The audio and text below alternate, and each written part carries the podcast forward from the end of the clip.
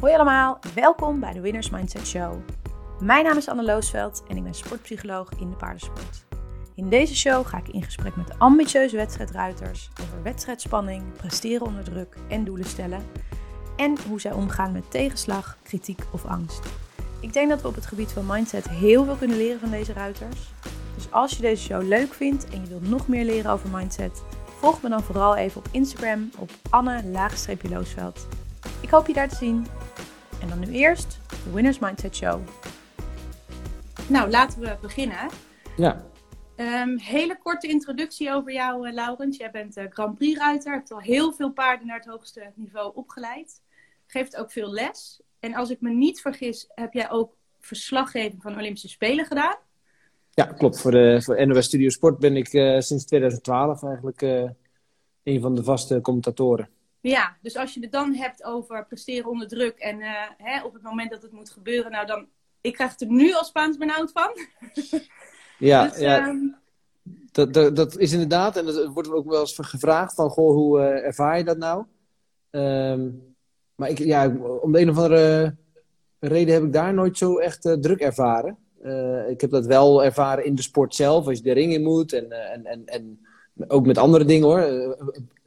een voetbalwedstrijd, ik, ik, voetbal zelf en, en dan, ja. dan wil ik heel graag goed presteren. En ja, ja hoe hoe belangrijker je het voor jezelf maakt, ja, des te hoger de druk. En dan, eh, en dan heb ik dat uh, zeker wel ervaren. Maar voor, voor televisie heb ik dat eigenlijk, ja, gek genoeg, dat is ook heel natuurlijk allemaal gegroeid zo. En dat is eigenlijk, ja, dat, dat, dat voelt eigenlijk makkelijk. Ja, ja, cool.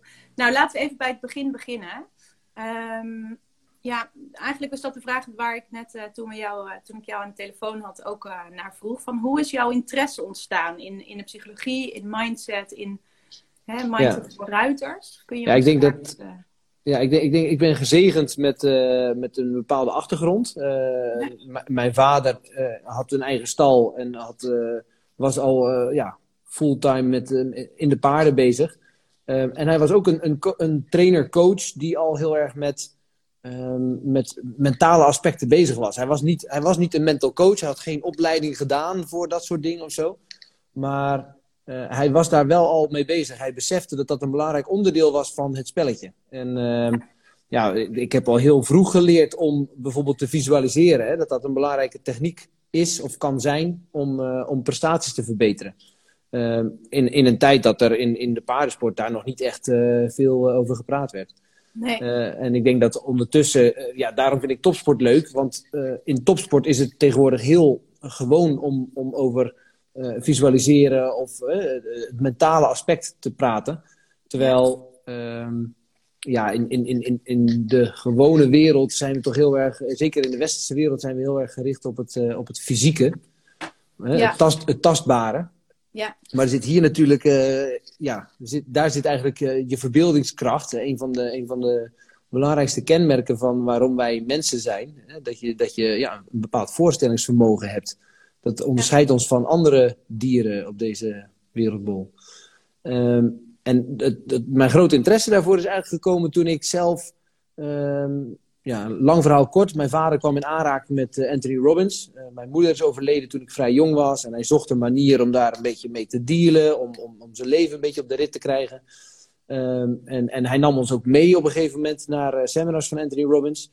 Oh ja? En ik, wow. ja, ja, ja, ja, ik heb oh. heel, veel, heel veel seminars gedaan ook. En, en oh, in 2004 wow. ging ik eigenlijk um, ja, voor het eerst zelf of dat was wel met een, met een aardige groep, maar dat was echt vanuit mijn eigen initiatief. Dat ik zei, hé, hey, ik wil nogmaals zo'n seminar doen van Anthony Robbins. Toen gingen we in Londen gingen we dat zo'n seminar doen. En daar ging het over doelen stellen en, en uh, ja, hoe je dat dan... Uh, een goal setting workshop, zo heette het ook echt. Die, uh, dat, ja. dat, onder, dat, onderdeel van dat programma. En ik, sta, ja, ik, ik realiseerde me daar dat um, een doel stellen, dat is één ding.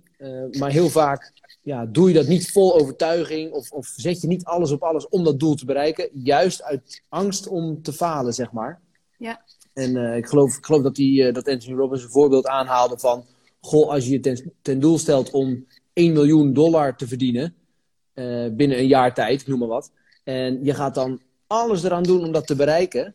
En na twaalf maanden heb je niet die 1 miljoen dollar, maar slechts uh, 900.000 dollar. Ja, ja dan, dan is dat geen falen. Hè? Dan heb je nog steeds 900.000 dollar verdiend. Dat is toch wel lekker. Ja. En uh, toen dacht ik, ja, ja, dat is eigenlijk wel waar. En, en hè, zo, toen, toen, toen, viel het kwartje bij mij. Ik denk, ja, ja, er zijn wel momenten dat ik misschien niet alles geef.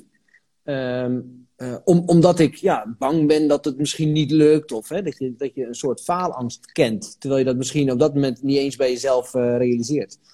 Um, en toen heb ik daar doelen gesteld. En uh, dat was in 2004. Ik had toen, Hexagons Allright was toen acht jaar oud. die liep net, die kende alles van de Grand Prix al. Daar had ik jong rijders mee gereden, maar kende ook al de oefeningen van de Grand Prix. En toen ging ik me opeens een, een doel stellen dat ik denk, ja, ik wil in het Nederlands team komen. Dat lijkt me gaaf. Dat is gewoon ultiem ja, succes voor mij. Had je toen de overstap naar de senioren al gemaakt? Ik had al wel een keer Grand Prix gestart. Of, een paar keer, ik had een paar keer Grand Prix gestart al. Ja. En, uh, en de paard had gewoon wel de potentie. Maar ja, tenminste, ik geloofde heel erg in dat paard. Ik denk dat dat heel belangrijk was. Hè? Want uh, er waren ook mensen die, uh, ja, die zeiden dat het, dat het een gewoon Grand Prix paard was. Maar voor mij was het een top Grand Prix paard. Ja, maar eigenlijk was het dus wel al een heel uh, groot doel. Het was een, een, wel echt een, een dapper doel, zeg maar. Hè? Het was een heel dapper doel. Op dat moment was het echt heel dapper. Want ik bedoel, ja. niemand kende mij. Niemand zag mij. Uh, nou ja, niemand kende mij. Maar niemand zag me voor vol aan. Want ik, ik reed met een achtjarig paard uh, 65% of 66% in de Grand Prix. Ja, en, ja, ja dat, was, dat was heel knap. Maar dat was niet dat ze nou zeiden: van, Goh, uh, dat is de nieuwe Ankie of zo. Um, en en op, op dat moment stelde ik me dat doel van: Goh, ik wil het Nederlands team halen. En ja, wat leek me dan mooi? Nou, ik had uh, toevallig uh, met, met Allright al een keer in Aken gereden in de lichte tour. En dat kregen we als jong rijders kregen we daar de kans voor. Een uitnodiging hadden we daarvoor uh, voor gekregen. En, en dat leek me, ja, dat was zo'n gaaf evenement. En, en toen was, in 2006 zou het WK in Aken zijn. Ik denk, nou, dan is dat mijn doel. Het, het wereldkampioenschap in Aken, dan wil ik in het Nederlands team rijden. En uh, nou ja, goed, uh, die goal, uh, de goalsetting workshop afgemaakt met, met dus, ja, de, de bijbehorende technieken die je daarvoor doet. En terug naar huis gegaan en van alles en nog wat gebeurd. Het was een heel leuk weekend en allerlei beslissingen kwamen op mijn pad. En ik ging gewoon weer mijn alledaagse dingetjes doen. ik verhuisde naar Wim Zegwaard, waar ik toen op stal ging, ging rijden en de stal ging runnen. Ja, eigenlijk allerlei gebeurtenissen die op dat moment niet echt samen leken te hangen of zo. Maar uh, ja, drie kwart jaar later stond ik uh, in Nijmegen op het Nederlands kampioenschap op het podium. Naast Ankie van Grunsven en Edward Gal. En, ja. en ja. toen liepen we naar de persconferentie. Onderweg naar de persconferentie zei chef Jans tegen mij, die was toen bondscoach. Zegt, ja, by the way, je zit in team, hè? hè? Wat? Dat is, dat is een jaar te vroeg. Ja, wat is, wat is er gebeurd? Ja. En uh, dat was voor mij echt een, uh, een, moment dat ik denk, nou, hoe, hoe bestaat dit? Hoe, hoe, wat is er gebeurd? En toen ben ik terug gaan kijken en gaan analyseren. En toen, ja, vanaf ja. dat moment is mijn interesse gewekt in de, de, de mental game, zeg maar. Want ik had het, ik had het gevisualiseerd. Of, hè, of ja, visualiseren vind ik een te zwakke term eigenlijk. En, uh, daar moeten ze nog wat anders voor bedenken. Maar, maar ik, had het, ik had het voor me gezien. Ik had het, ik had het al beleefd in mijn, in mijn interne wereld. En, ja. en, en, en weet ik veel wat er toen goed is gegaan, maar daarna is alles goed gegaan en viel alles op zijn plek en stond ik uh, daar op het podium en in het Nederlands team. Ja, hey, en um, heb jij ook, heb je dat doel ook toen der tijd ook hardop uitgesproken tegen mensen? Heb je, of was dat iets wat jij soort van stiekem had? Of had je, dacht je wel ook van, ik durf dit al tegen me, met mensen te delen? Ik heb het wel tegen mensen genoemd, uh, maar meer mensen dichtbij. Dus het was niet zo dat ik het uh, van de daken schreeuwde of zo. Maar uh, met mijn vader heb ik het daar wel over gehad. En ja. ja. de mensen om, om, mij heen.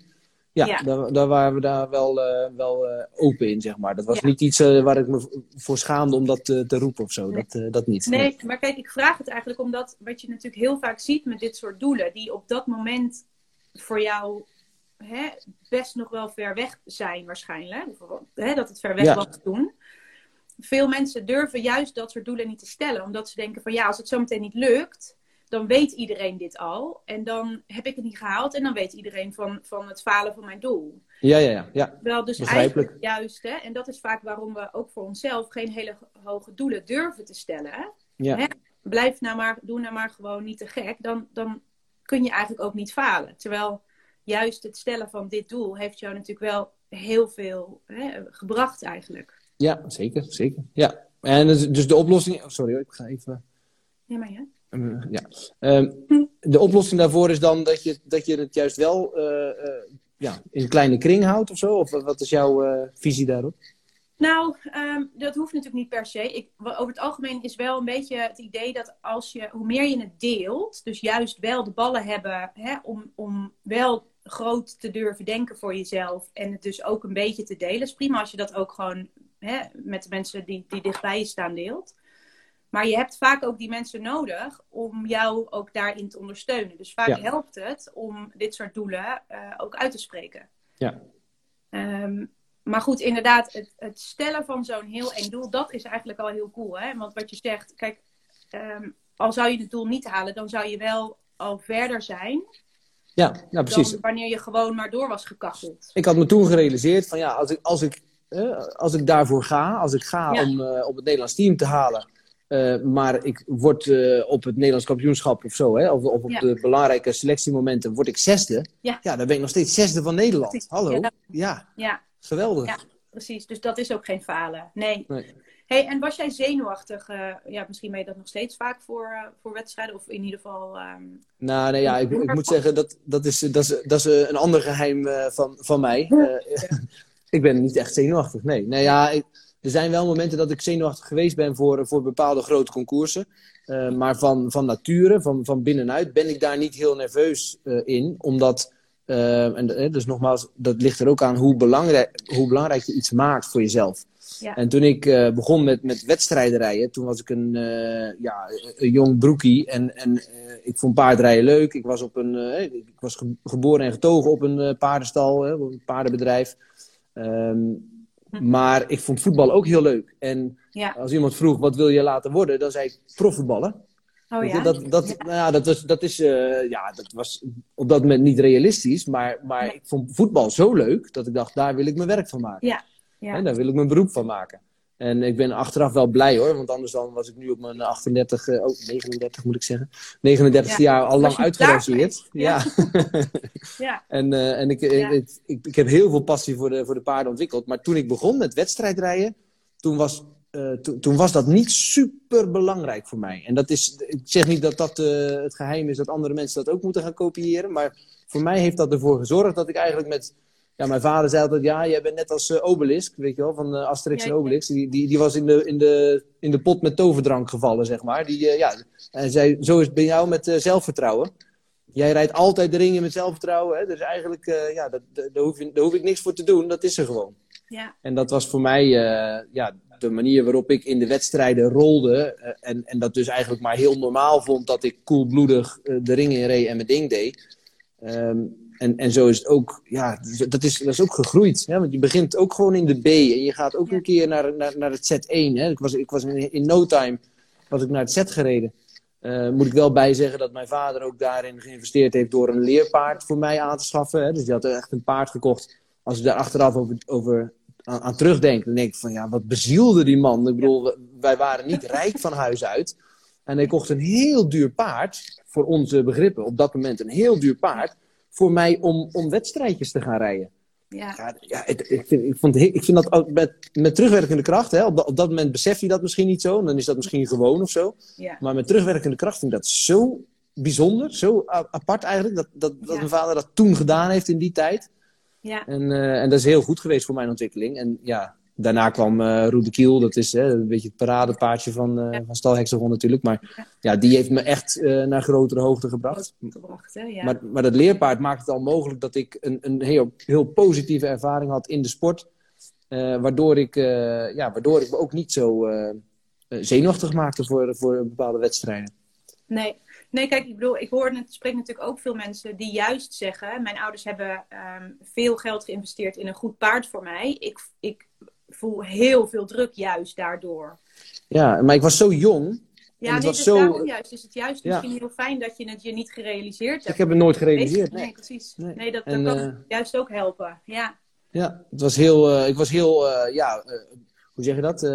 frank en vrij. Hè? De, de, en dat, ja. is, dat vind ik nog steeds ja, het, het, allermooiste, een van de allermooiste sportslogans, zeg maar. Van, uh, ik wil geen reclame maken voor welk merk dan ook, maar uh, Nike heeft Just Do It hè? Als, als, als slogan. Nou ja, dat is ja. gewoon, dat is het. Hè? Als je, als je nou hebt over topsportpsychologie, daar gaat het om. Just do it. Ja, en dus grote doelen stellen en dan gaan. Ja, gewoon gaan. Een, um, vraag gekregen ook nog van een, iemand, van Alia. En zij zei, hoe ga je om met de druk van anderen tijdens een wedstrijd? Dus als ik jou zo hoor, dan zeg je, ik ben eigenlijk niet zenuwachtig voor wedstrijd. Ehm, voor grotere concoursen een beetje meer, maar eigenlijk ook nog best wel uh, goed te managen. Heb je last van wat andere mensen van je denken? Of last van gehad? Ja, nou kijk, ik, het belangrijkste is, uh, kijk, iedereen heeft daar natuurlijk wel last van. Ja. Ehm, en ik, denk, ik denk dat uh, als er, als er kritische blikken meekijken. Ik, ik moet zeggen, in mijn, in mijn jongere jaren had ik daar zelfs minder last van dan nu. Ik denk dat ik nu ja. perfectionistischer ben. En, en perfectionisme is een beetje een valkuil. Dat is een beetje gevaarlijk. Ja. en en, en ja, dan vind ik het zelf vaak niet goed genoeg. Maar dat komt ook omdat ik zelf er veel meer ja, kijk op heb gekregen. Meer, hè, veel meer tot in details weet hoe iets zou moeten zijn. Ja. Uh, en dan, ga je, dan, dan word ik perfectionistisch. Dus ik moet zeggen dat, dat ik nu, zeg maar, op een latere leeftijd eigenlijk meer last daarvan heb. Uh, van wat andere mensen, of wat ik denk dat andere mensen denken. Want, want ze zeggen wel eens, ja, druk van andere mensen. Maar je weet niet wat andere mensen denken. Nee, andere mensen dus zijn waarschijnlijk ook alleen maar met zichzelf bezig. Je gaat dat toch zelf interpreteren. Je gaat toch denken, oh ja, als, als die dat ziet, dan denkt hij vast dat, het niet, hè, dat ik niet goed kan paardrijden of zo. Ja, noem maar wat. Ja. Maar ehm, herken jij dat soort gedachten wel? Ja, natuurlijk wel. Ja, ik denk dat dat normaal is. Als je voor een, uh, voor een, voor een volle tribune moet rijden, dan ja en het is ook niet. Hè, het, punt is ook dat er, het is nooit dat, dat uh, iedereen het, het uh, geweldig vindt of dat iedereen je grootste vriend is. Um, nee. Ja, ik, ik hou me vast aan de momenten die, die me wel dat gevoel hebben gegeven. Ik weet dat ik met Allright toen in 2005 op Indo-Brabant voor het eerst een staande ovatie meemaakte. Ja. Nou, dat, je wil niet ja. weten hoe dat voelt. Ik had, ik had gewoon tranen, ik had een brok in mijn keel. Het was gewoon, ja, ja dat was ontroerend uh, bijna. En, uh, Dus dat, dat, ik denk dat, ja, daar moet je het voor doen. Uh, maar ik denk ook wel dat ik, dat ik uh, naarmate ik ouder geworden ben, meer intrinsiek gemotiveerd ben. Dus ik, ik geniet meer van het spelletje. Ik denk dat ik in die tijd ook wel heel erg uh, reed voor het applaus. Hè? Dus ik vond het applaus ook, ja, dat was ja. mijn beloning, daar deed ik het ja. voor. Ja. Uh, ja, ik denk dat, dat daar moet een goede balans in zijn. Hè? Ik bedoel, natuurlijk uh, doe je het om, om, om sporter te zijn. Maar je wil ook, uh, ja, je wil ook genieten van het paardrijden aan zich. En, en, ja. en, ja. dat is wel wat ik, wat ik heel erg heb geleerd door de jaren heen. Om, om echt van het paardrijden zelf te genieten. Ja, en hoe ga jij er dan mee om als je bijvoorbeeld een keer echt een, ja, een aantal dure fouten maakt in een proef? Of bijvoorbeeld een paard voorstelt voor klanten en het loopt voor geen meter? Of, hè, hoe, hoe ga je daarmee om? Ja, dat, dat, dat is lastig. Hè? Maar dus, kijk, ik vind teleurstelling uh, is altijd iets, hè? want dan ga je uit van dat dat dus uh, ja. teleurstelling oplevert. Ja. Dat, dat is altijd iets lastigs. Dat is altijd iets. Um, ik denk dat je altijd, hè, of het nou uh, druk is van jezelf, of druk van mensen van buitenaf, of, of een teleurstelling of een gebeurtenis waar, waar je mee moet dealen. je moet toch altijd ehm, dat herleiden naar dingen binnen je invloedssfeer. Dus dat je, wat, wat je de volgende keer kunt doen. Hè? Dus, dus ze zeggen wel eens, er zijn geen fouten, er zijn alleen maar leermomenten. Nou ja, ja ik, ik, snap wel dat dat een beetje, hè, dat is mooi gezegd, maar ja. ja zie dat maar eens emotioneel te, te, te bevatten. Ja. Uh, maar ik denk wel dat, dat dat de sleutel is om, om het om te zetten naar leermomenten. Of om, om het om te zetten naar acties. Hè? Dus als het vandaag tegenvalt, dan, uh, ja, dan ben ik wel bezig. Ik, ik, ben meteen bezig met wat er, wat er anders kan. Of wat ik, wat ik moet doen om het volgende keer beter te, uh, te krijgen. Uh, en, en, dat is wel iets, daar kan ik wel echt, ja, daar kan ik wel tot s'avonds laat of tot, of s ochtends vroeg opnieuw mee wakker worden. En daar echt heel erg mee bezig zijn als het niet, niet naar mijn zin gaat. Ja, want dat klinkt, dat klinkt best wel constructief dus stel, je hebt echt uh, een, een, een, een, Nederlands kampioenschap echt een beetje verknald eigenlijk. Laten we dat maar even zo stellen. Ja. Hè? Hoe, hoe ziet dat er dan uit bij jou in je hoofd? Ben je dan de eerste dag um, chagrijnig en, en boos en, en, en, misschien wel twee weken? Of, of hoe, Hoe ziet dat herpakken van jou eruit? Wat, wat gebeurt er dan in je hoofd? Want wat ik heel veel zie is dat mensen hier dus inderdaad echt lang in blijven zitten. In dat stuk van, oh het was zo slecht en het ging niet goed. En oh ik ben een sukkel en het lukt nooit. En, ik denk dat dat heel interessant is om, uh, om van jou te leren. Ja, er zijn, er, zijn, er zijn twee dingen. Je hebt de emotie. Hè, dus ja. Ehm, de teleurstelling van, van uh, ja, dat iets niet goed gegaan is. En ik denk dat het altijd heel belangrijk is dat je jezelf die emotie niet ontzegt. Dus, dus emotie is, is, die moet je voelen. Om de een of andere reden uh, wordt dat ergens opgewekt en dat moet je niet onderdrukken. Uh, ja, nog een, nog een ander aspect wat voor mij misschien een grote rol speelt, is dat ik, ik ben op jonge leeftijd ben ik mijn moeder verloren.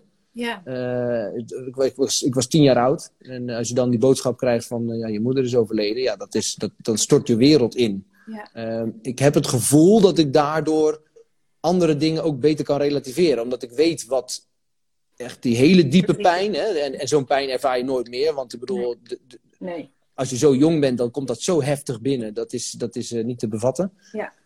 Um, maar op het moment dat je, dat je beseft, ja, je gaat anders naar, naar dingen kijken. Dus, dus je kan beter relativeren. Ja. Dus ik denk dat relativeren is belangrijk. Dat je kan, dat je kan inschatten hoe zwaar emotie is. En ik merk aan mezelf dat als ik emotie uh, als ik de neiging heb om emotie te onderdrukken, maar daarna mezelf besef, oh nee, het is goed om emotie te voelen, om die emotie te uiten, om het even zijn gang te laten gaan, hè, als, een, als een storm die uitraast.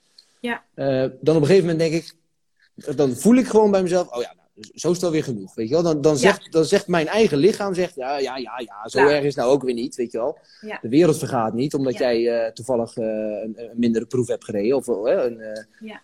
Ja, een, slechte wedstrijd hebt, hebt gehad. En, en, dan, en dan is de emotie is eruit. En dan ga ik constructief denken van oké, wat, is, wat is mijn plan?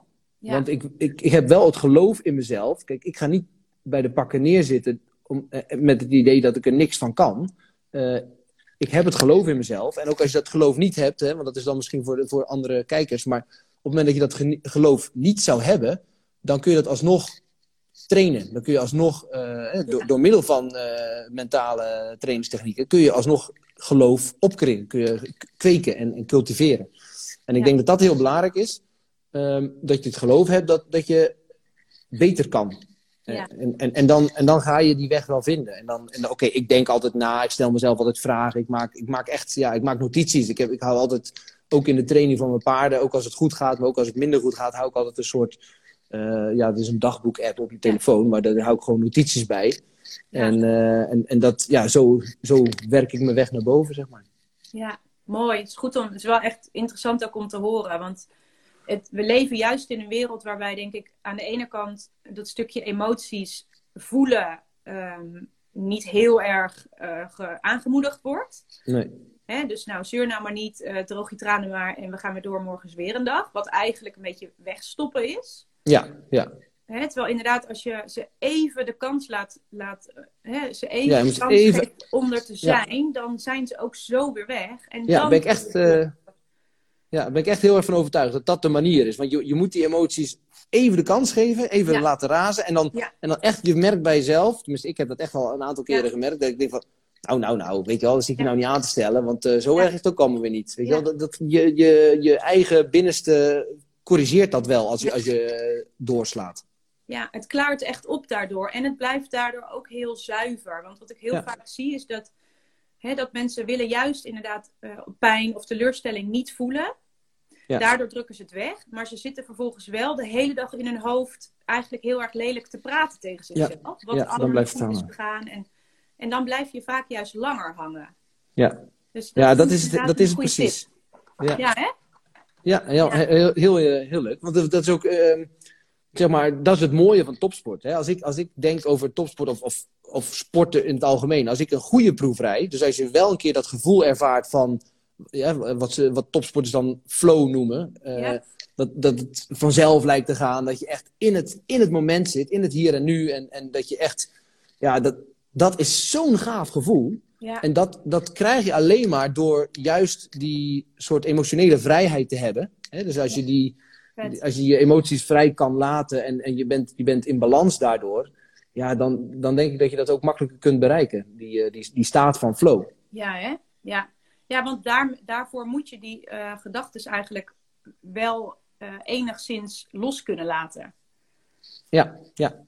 Um, ik kom even kijken, want ik zie een vraag van Romy van de Schaft. Hey Anne, ik heb een vraag voor Laurens. Stel je alleen prestatiegerichte doelen of ook rijtechnische doelen voor een wedstrijd?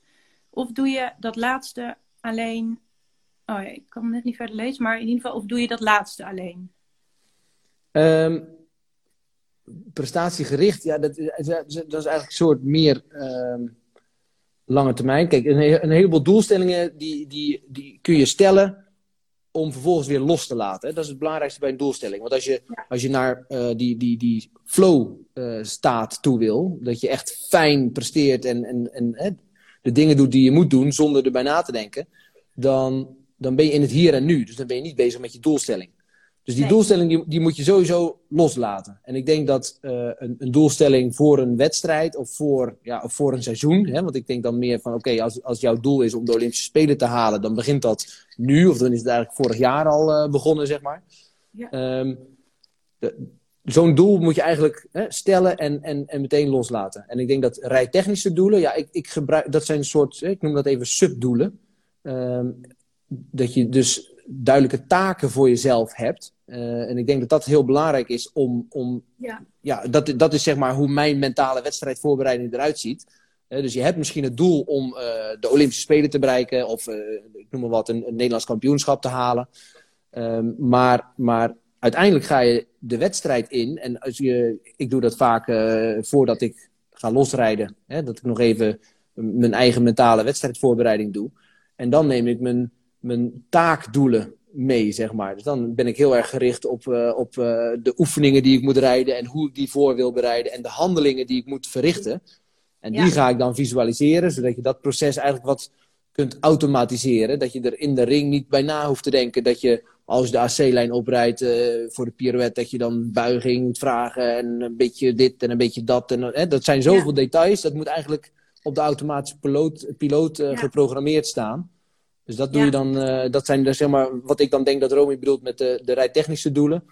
Dat is hoe ik mijn, op het laatste moment mijn mentale wedstrijdvoorbereiding doe, ja.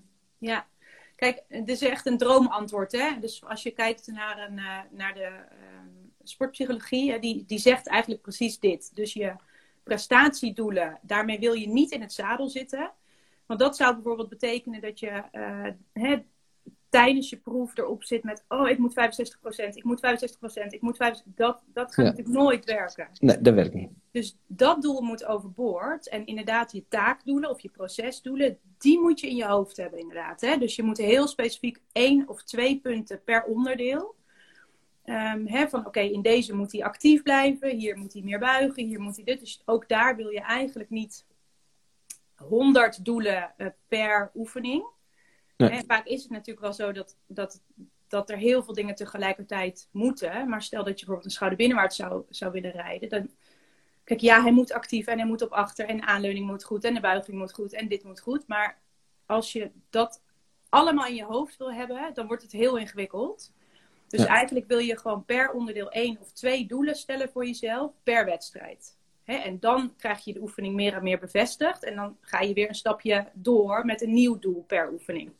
Ja, dus, ja ik, ben, ik ben natuurlijk uh, heel erg uh, uh, praktijkgericht. Hè. Ik, ja. ik, heb geen klassieke opleiding in, in psychologie of sportpsychologie Nee, maar je zegt het precies goed. Ja, alleen wat voor mij heel belangrijk is, is dat, ja. zeg maar, ik zeg altijd als, je, als ik, een, als ik zo, ik, geef ook wel eens een workshop over flow of over mentale ja. wedstrijdvoorbereiding. Um, als ik mensen wil helpen, dan wil ik ze uit hun hoofd halen. Hè? Dus, dus niet nadenken. Um, maar, maar doen. Hè? En het mooie, een van de mooiste voorbeelden wat ik altijd noem is uh, een gesprek van, uh, dat was op, uh, volgens mij op Psycho Sport met Jack van Gelder en er zat Daphne Schipper zat daarbij en weet even niet wie nou de derde persoon was, maar Max Verstappen zat er ook bij. De derde persoon, de derde sporter weet ik even niet. Maar in ieder geval, het ging over, over sport, sportpsychologie, mentale coach. Hè? Van, ja, heb jij een mental coach? Nou, Daphne Schipper zei, nee, nou, ik praat wat met uh, familie, met mijn coach. En met, uh, ja, ja. We, we, hebben wel dat soort gesprekken, weet je wel, zo en zo. En die andere sporter ook, ja, ja, nee, ja, praat erover met die en met die. En, oh ja, oké, okay, ja, ja. En uh, Max, heb jij een met de coach? Nee, nee, nee, nee, nee, die trap ik meteen de deur uit. En dan was er van, ja, nee, nee, dan moet, dan moet je bij mij niet mee aankomen. Die trap ik meteen de deur uit. Maar dat is omdat hij zo'n geboren winnaar is. Hij zegt, niet lullen, maar doen. Maar Weet doen. Je wel? En, dat, en dat is precies waar het om gaat. Hè? Wat ik zei van, van, van Nike, van die slogan. Just do it. Hè? En dat zijn, dat zijn de momenten, of dat zijn de personen, maar, maar dat is ook het moment. Uh, als je echt als een winnaar de, de ring in wil rijden, dan, dan ben je niet bezig met, oh, als dit, oh, als dat, oh, ik moet zus, oh, ik moet zo. Nee, dat, hè, dat heb je voorbereid, je bent er klaar voor, je hebt, je hebt zelfvertrouwen. En, en dat is eigenlijk uh, verstand op nul en gaan. Uh, en, dat, en dat vind ik, zeg maar, uh, ja, dat, dat merk ik vaak, dat, dat ook sorry voor als ik, ik wil ik hoef jou niet te beledigen, maar ik merk vaak bij, bij, bij mensen die daar heel erg mee bezig zijn, ook, ook met coaches, dat ze heel veel in woorden verzanden en in techniek, terwijl het eigenlijk alleen maar gaat op, om emotie, want emotie is de taal van je onderbewuste. En dat is waar je tot door wil dringen. Ja, nee, dat, dat, is helemaal, dat ben ik helemaal met jou eens ook hoor. Het enige wat natuurlijk wel zo is, is dat je uh, flow niet kunt afdwingen. Nee. En dat is hetzelfde als wanneer ik nu tegen jou zeg, uh, slaap, Laurens, nu, slaap. Ja. En dat, dat, dat moeten, de omstandigheden moeten uh, gecreëerd worden, zodat je dat zodat dat lukt. En datzelfde is wel met flow. Um, en daarom, ik ben, ik ben ook geen voorstander van ellenlange lijsten maken voor jezelf. Want dan maak je het inderdaad heel erg verwarrend. Ja. Maar je wil eigenlijk wel zorgen dat je je brein bezighoudt tijdens die proef. Met wat er moet gebeuren. Hè, zodat je bij je paard kunt blijven. Want als jij je brein soort van... Als je gewoon die AC-lijn oprijdt en, en eigenlijk niks in je hoofd hebt wat, aan, wat, wat lukt natuurlijk als het allemaal samenkomt. Hè? Dan, dan, voelt dat dan heb je flow. Ja. Maar ik snap heel goed wat je zegt. Je, je, moet, je moet je brein een beetje afleiden met taakdoelen. Ja, want anders dan ga je zitten uh, loeren en dan ben je ineens met de jury bezig en met iemand die langs de baan staat. En hè, oh, oh, ik, ik verpest een oefening. Dus, dus je wil kleine dingen zodat je iedere keer weer de aandacht naar je paard toericht. En daar komt dan de flow uit, inderdaad. Ja, ja, heel mooi. Ik hoop dat dit um, de vraag uh, van Romy zo beantwoordt. Ik denk het wel. Uh, ik zie nog een vraagje van een vraagje aan Laurens. Hoe ga je mentaal om met plotse fysieke tegenslagen bij paarden? Ja. Hopelijk, hopelijk niet, te, vaak. vaak. Nee, nee, nee, nee, hopelijk niet te vaak. Um, ja, en dit is, vind ik een hele goede vraag. Um, ja. Want dit is een van de dingen waar ik zelf heel erg mee worstel. Ja. Uh, dus op het moment dat een, dat een een, een, een paard uh, een fysieke tegenslag heeft. En dat kan een, uh, dat kan een blessure zijn. Ja, het, kan, het kan zijn helemaal buiten je schuld om. ik, heb, ik heb een paard uh, gehad die, die had hele zwakke hoeven. En die had heel vaak scheuren in zijn voeten. En, en daar zijn we van alles aan gaan doen met voeding. En, en nou, het, werd, het, het werd wel beter. Hè? Natuurlijk, de hoefsmid die moet, uh, die moet de voeten goed in balans zetten. Maar het bleek al heel snel dat dat niet uh, het, het, enige was wat uh, ja, dat, dat niet afdoende was.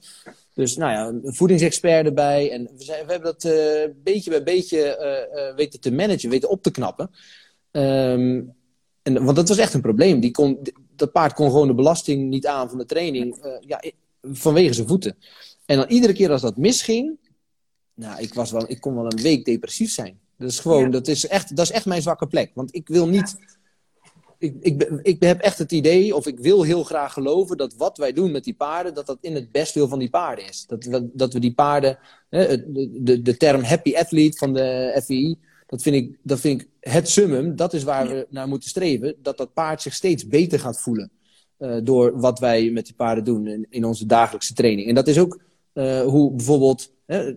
kijk, maar naar, kijk maar naar rijke mensen die, uh, of beroemdheden die, uh, die het kunnen, zich kunnen veroorloven en die dat graag willen. Die hebben een personal trainer. Hè? Die, gaan, die worden iedere dag ja. begeleid ja. om gezond te eten, gezond te sporten, hè, te goed te bewegen. Um, en dat is eigenlijk wat die paarden ook aan ons moeten hebben. Wij, wij moeten de, de personal trainer van die paarden zijn. Uh, om die paarden eigenlijk uh, op hun best voor de dag te, te kunnen laten komen. En als dat dan misgaat, ja. dan voel ik me daar heel snel verantwoordelijk voor. En dan voel ik me daar ook heel snel slecht over. En dat is iets, ja, dat, dat, ik probeer dat wel te relativeren. Maar dat, dat, ik vind het een hele goede vraag. Want dat is bij ja. mij ook echt een, uh, ja, een pijnpunt kan dat zijn. En ja, ja hoe, ga, hoe ga ik daar dan mee om? Ja, toch weer gewoon zoals ik ook met andere tegenslagen omga. Dat ik probeer te analyseren. Hè, dat, ik, dat ik ervan uitga dat, dat het is mijn verantwoordelijkheid. Hè, of in ieder geval wil ik degene zijn die het uh, oplost. Dus ik ga dan in, toch in oplossingen denken en analyseren wat, wat er anders moet. En, en, en dat, dat resulteert er ook uh, in, of dat heeft er in het verleden veel in, vaak in geresulteerd, dat ik uh, wel eens wat te veel het roer omgooide. Uh, heel ander voer of heel ander manier van trainen. Of ja. weet je, dat ik van alles ging ja. uitzoeken. En ja, dat, is natuurlijk, dat kan ook gevaarlijk zijn. Want je moet ergens wel een bepaalde balans vinden.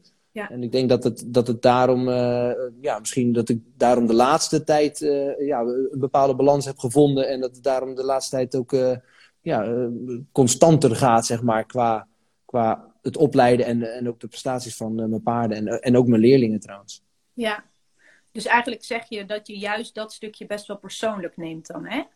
Ja, ja, ja, Ik, ik, mijn valkuil is dat ik dat mezelf veel te veel aantrek. Zelfs als het uh, niks met mij te maken heeft. Hè? Zoals nee. uh, de, de, de, de, voeten van mijn paard, de hoeven van mijn paard. Ja, de, ik probeer gewoon de, de, best mogelijke voeding. Ik heb een expert erbij gehad die zegt wat ik moet, moet voeren. Ja. En als ik dat dan voer, dan, dan moet ik er toch van uitgaan dat dat dan afdoende is, zeg maar. Ja. Uh, maar ja, toch, toch kan ik me dat heel erg aantrekken. Ja. Ik denk dat heel veel mensen dat herkennen. Want we zijn natuurlijk met z'n allen enorm bezig om altijd maar het beste te doen voor die beesten. Uh, ja. ja. en soms heb je het gewoon niet meer, niet meer in de hand en, en gaan dingen toch, uh, toch mis. Um, en ik denk dat het daar inderdaad wel best wel lastig is om dat niet persoonlijk um, aan te rekenen, inderdaad. Hè? Ja. ja, en ik denk, ik denk dat daarin ook gewoon goed is om hè, de emotie uh, te accepteren en, en hè, even te, te, te, voelen voor wat die is. En daarna weer uh, rationeel na te gaan denken over, over oplossingen. Ja, dat zou mijn tip zijn. Ja, mooi. Ik zie een vraag van Alissa. Hoe gaat Laurens, uh, hebben eigenlijk al, al beantwoord. Hoe gaat Laurens om met de druk van buitenaf? Um, dan moet je ja, nou ja, gewoon mensen wegsturen. Dat is het beste. Ja, gewoon iedereen, iedereen wegsturen. ja. Um, nou, dat was die. Hey, ik heb um, hier nog een uh, vraag, ook van Alissa. Die had ik al eerder opgeschreven. En zij vraagt, hoe is Laurens zo groot geworden? Dus als jij nu terugkijkt hè, op jouw carrière, wat, wat zijn dan bepalende dingen geweest voor jou? Waardoor je denkt van, ja, dat, daar, kwam alles wel echt bij elkaar en lukte het. Ja, dat, is, heeft natuurlijk ook te maken met een bepaalde mazzel. Ja, ik, ik ben geboren op een stal. Uh, ik ben de zoon van, van, een, van een echte paardenman, zeg maar, die, die, die zich zijn hele leven daarmee bezig heeft gehouden. Ik heb een bepaald uh, gevoel daarvoor ontwikkeld, van jongs af aan, omdat ik op die stal uh, opgegroeid ben. Ja. Uh, en, ik heb, en ik heb een bepaalde uh, ja, een bepaald inlevingsvermogen. Ik zeg altijd, als, als er één kwaliteit is die mij kenmerkt, zeg maar, dan is het het, het, het empathisch vermogen, het in, inlevingsvermogen zeg maar, in mijn paarden. Dat ik, dat ik probeer te snappen wat ze voelen. Ik zeg altijd, een, een, ze hebben het wel eens over een paardenfluisteraar. Ik zeg maar, een paardenfluisteraar fluistert niet, die luistert vooral. Die kan vooral heel goed luisteren. En als je, goed, als je een paard goed kan begrijpen, ja, dat is een beetje waarin ik me uh, heb willen onderscheiden. Um, ja, ik denk dat dat, dat, dat een, uh, voor mij een belangrijke kwaliteit is uh, gebleken. dan, dan, als je een paard begrijpt, dan kun je hem ook bijsturen, dan kun je hem ook coachen. En ja. En ja, wat er, wat er verder in, aan bij heeft gedragen dat ik uh, groot geworden ben.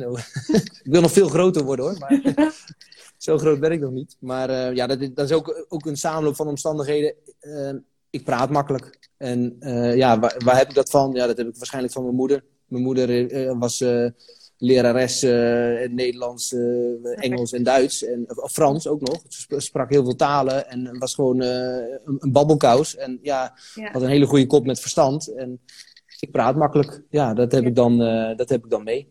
Ja. En ehm, ik, ik, denk dat, dat dat ervoor gezorgd heeft dat ik vroeger voor Omroep Zeeland voor de radio wel eens gevraagd werd als ik in Zeeland een uh, Z2-proef gewonnen had. Nou ja, hè, hoe bijzonder is dat dat je een Z2-proef wint? Maar goed, je, je, wordt dan gevraagd voor de radio. Ja. Dan, dan merken ze dat, die, dat ik makkelijk babbel. Dus dan denken ze, oh, die vragen de volgende keer weer. Ja, precies. En, en toen kwam de regionale omroep en die hadden een televisiecamera. Dus toen zetten ze opeens een camera eh, erbij en met zo'n lampje dat, dat in mijn gezicht scheen. Oh, ja. Maar daar wende ik ook aan. Dus toen kon ik ook gewoon babbelen als ik uh, geïnterviewd werd uh, voor een camera. En, en toen kwam ik een keer, uh, toen was ik eigenlijk in 2008, werd ik niet geselecteerd voor de Olympische Spelen, omdat mijn paard geblesseerd raakte kort voor de eerste Olympische kwalificatie. Oh, en nou ja, ik wil niet zeggen dat ik het anders gered had hoor, want het was toen net de opkomst van Adelinde. En Adelinde was toen uiteindelijk de reserve, zeg maar. Dus er was Hans-Peter en Imke en Ankie die gingen naar, naar de Olympische Spelen. Dus het is helemaal niet gezegd dat ik daar tussen had kunnen komen. Nee. Maar ik werd toen gevraagd voor uh, als studiogast uh, bij de Olympische Spelen. En toen mocht ik dus de paardensport, de dressuursport van commentaar voorzien vanuit de studio. Ja. En ja, dat beviel goed. Maar dat was ook, er zijn mensen, oh, dat deed je zo goed. Daar, hebben, daar heeft mijn vader ook zoveel complimenten voor gehad. Ik heb daar heel veel complimenten voor gekregen.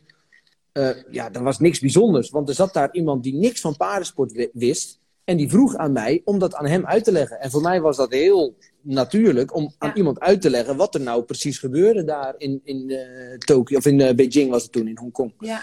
En, en um, nou, ik heb, dat, ik heb dat gewoon gedaan zo, vanuit mijn uh, expertise.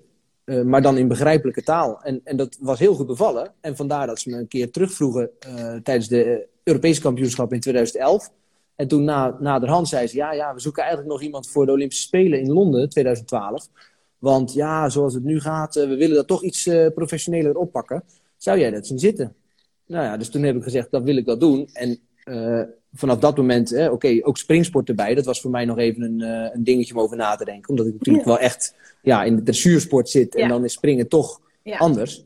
Maar zij, zij, uh, vanuit Studio Sport zeggen ze iedere keer: je moet goed onthouden, je legt het uit aan leken. En, en niet aan, aan springcoaches en springruiters. Dus jij moet gewoon vanuit jouw uh, visie uitleggen wat er, wat er gebeurt. En, en, en de spanning, hè, dus de spanning kunnen, kunnen vertalen, zeg maar, kunnen weergeven. Ja, maar ja, uh, mag ik je onderbreken, Eentel? Kijk, dat, dat klinkt natuurlijk leuk, maar zeker voor die Olympische Spelen, dan je weet natuurlijk ook dat heel Nederland ook meeluistert en meekijkt. Ja, dat was toen. Was toen nou, ja, wij zaten gewoon. Je zit op je commentaarpositie, je hebt een, een headset op. Je, krijgt dat niet helemaal mee. En achteraf hoorden we wel dat er zelfs op Utrecht Centraal. Ja, dat was toen met de springsport die opeens hoogtijdagen ja. uh, meemaakte. En ja. ja, dat was toen. De, spanning was heel groot in die Olympische finale. Weet je wel. Dus op, op, op, Utrecht Centraal waren grote schermen waar allemaal mensen stil stonden te kijken naar, naar de paardensport. Ja, dat was natuurlijk uniek. Dat was ook voor ons. Dat hadden we van tevoren ook niet uh, kunnen verwachten. Nee. Alleen, je, gaat, je bent daar zo niet mee bezig. Dus ja, dat is eigenlijk ook weer... Uh, ja, dat, dat is eigenlijk... Dat, daar, daar rol je in. En als je er eenmaal ervaring in hebt, dan gaat het steeds makkelijker. Um, en ik moet wel zeggen, hè, omdat ik vind de, ik vind de vraag heel leuk... Uh, hoe je zo groot geworden bent. Hm. Dat komt door televisie. Want ja. iedereen, iedereen hoort mijn naam voorbij komen. Of iedereen hoort dat commentaar. Um, ja, ik doe niks bijzonders. Ik doe gewoon wat ik altijd al doe. Alleen omdat het zo vaak dan op televisie komt, dan, dan uh, is je naam opeens uh, gevestigd, zeg maar. En dat, is wel, uh, dat is wel Daardoor grappig. heel, heel zichtbaar eigenlijk. Dat is het, hè? Dus iedereen ziet jou gewoon ineens. Ja, ja, ja. En, en, ja, en vaak met commentaar ben je niet eens in beeld, maar is het alleen maar je stem. Maar dan hoor je wel vaak Jan Roels en Laurens Verlieren. Hè? Of, ja, precies. Dan hoor je die naam weer iedere keer voorbij komen. Ja, ja. ja, het is toch wel cool. Nou, ja. ja. het is wel cool. Nou ja, het, ik, ik vind het de laatste tijd wat minder cool. Want het is natuurlijk uh, alweer wat langer geleden. En, uh, en de paardensport is weer ietsjes minder uh, in zwang bij, de, bij de publieke omroep blijkt. Dus dat, dat vind ik jammer. nu zouden we Indo-Brabant vol, volle bak doen en dan gaat het weer niet door. Gelukkig is er nou weer een nieuwe datum geprikt. Dus ik hoop dat we in april wel door kunnen gaan. Ja, inderdaad. Ja. Hey, wat is voor jou nu nog een doel uh, uh, voor het komende jaar bijvoorbeeld? Wat, wat, wat, waar ben jij nu mee bezig?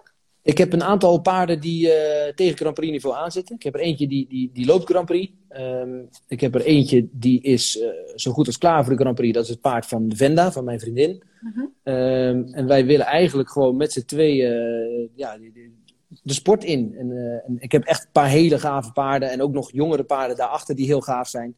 Dus dat is voor dit jaar is, is mijn doel om, om die paarden door te, uh, door, door te gaan met opleiden naar de Grand Prix toe. Uh, waarvan ik er zeker uh, twee of drie nieuwe in de Grand Prix wil starten. En dan even kijken hoe die, hoe die presteren. En daarna, ja, daarna is het ook weer dromen. Want kijk, de Olympische Spelen van, van dit jaar, die, die, die gaan voor ons... nee, dat gaan we niet meer redden. Nee. Maar, maar daarna, ja, er is nog maar één ja, er is één kampioenschap dat ik nog nooit heb gereden. En dat is de Olympische Spelen. En ik, en ik, uh, ik heb een tijdje uh, ja, getwijfeld of gezocht of ik nog wel, of ik die ambitie nog wel had. Ja. Ehm, maar ja, die ambitie is er wel. Want ja, er is gewoon niks mooiers dan, dan dat moment van in de ring kunnen presteren met je paard. En, en, en, en, en, de weg ernaartoe. Want ik, ik heb wel echt de weg ernaartoe heel erg leren waarderen. Met alle ups en downs. Ja, cool. Dat zou wel, is wel echt ehm, ook wel weer een, uh, een dapper doel. Toch? Ja, dat, is, dat is natuurlijk eh, ja, het, het, het, hoogste doel. Maar, maar ja, het gaat mij erom uh, dat ik.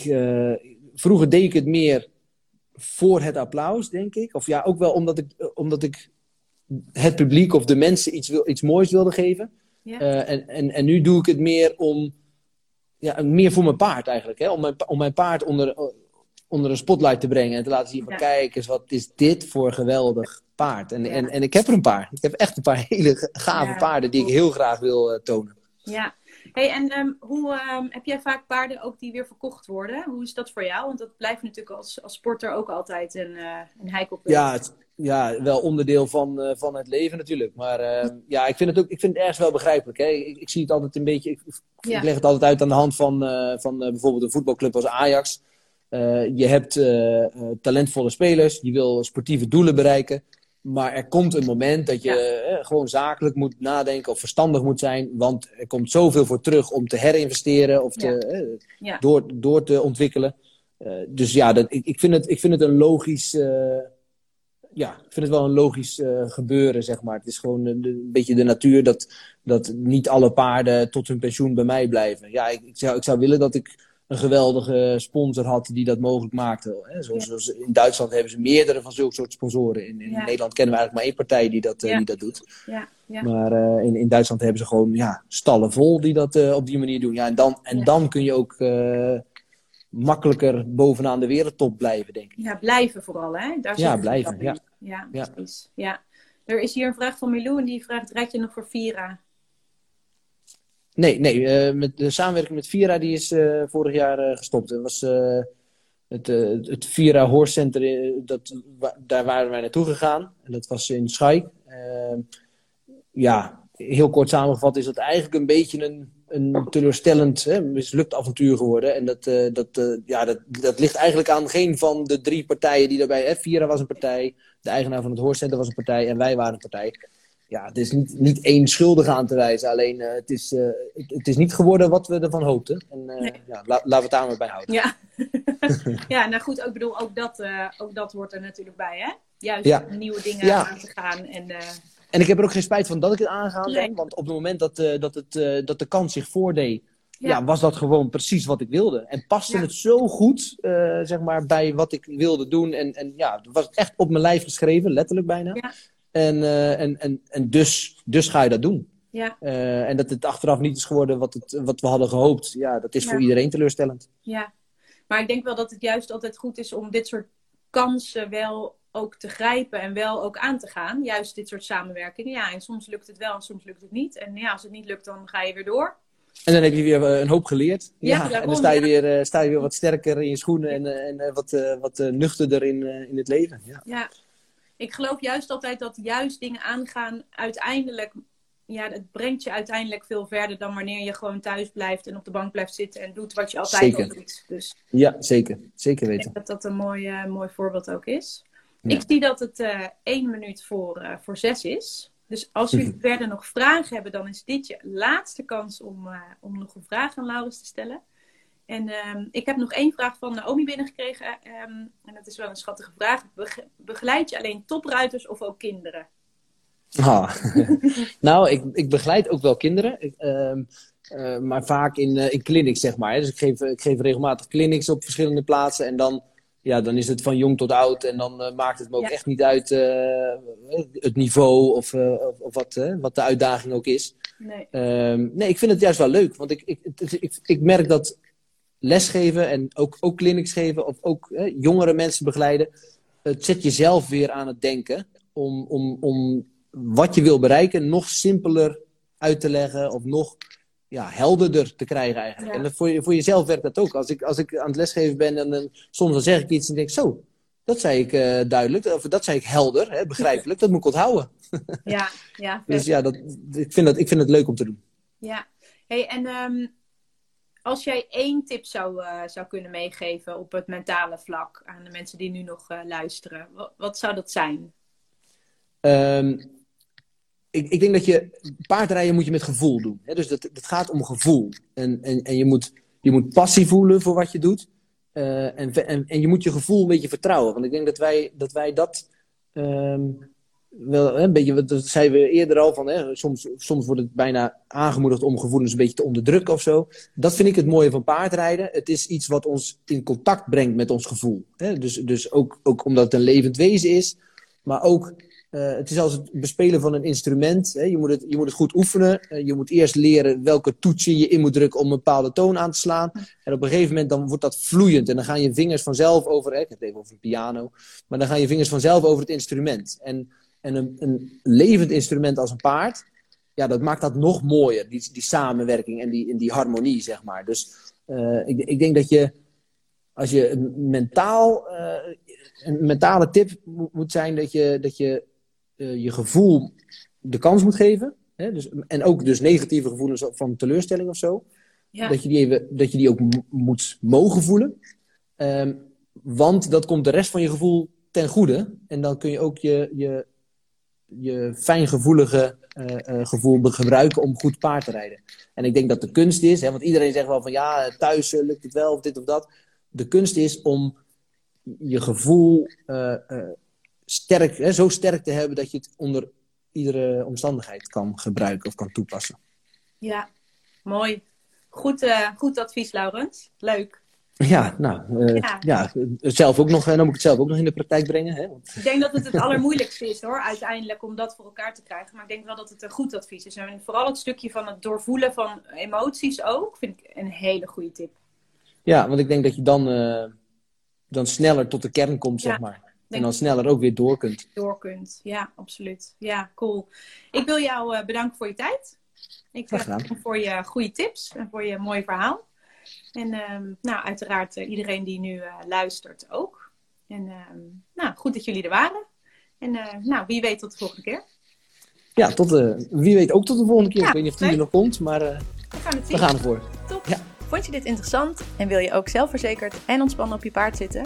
Download dan meteen mijn e-book waarin ik jou zes tips geef om ook mentaal mega sterk te worden.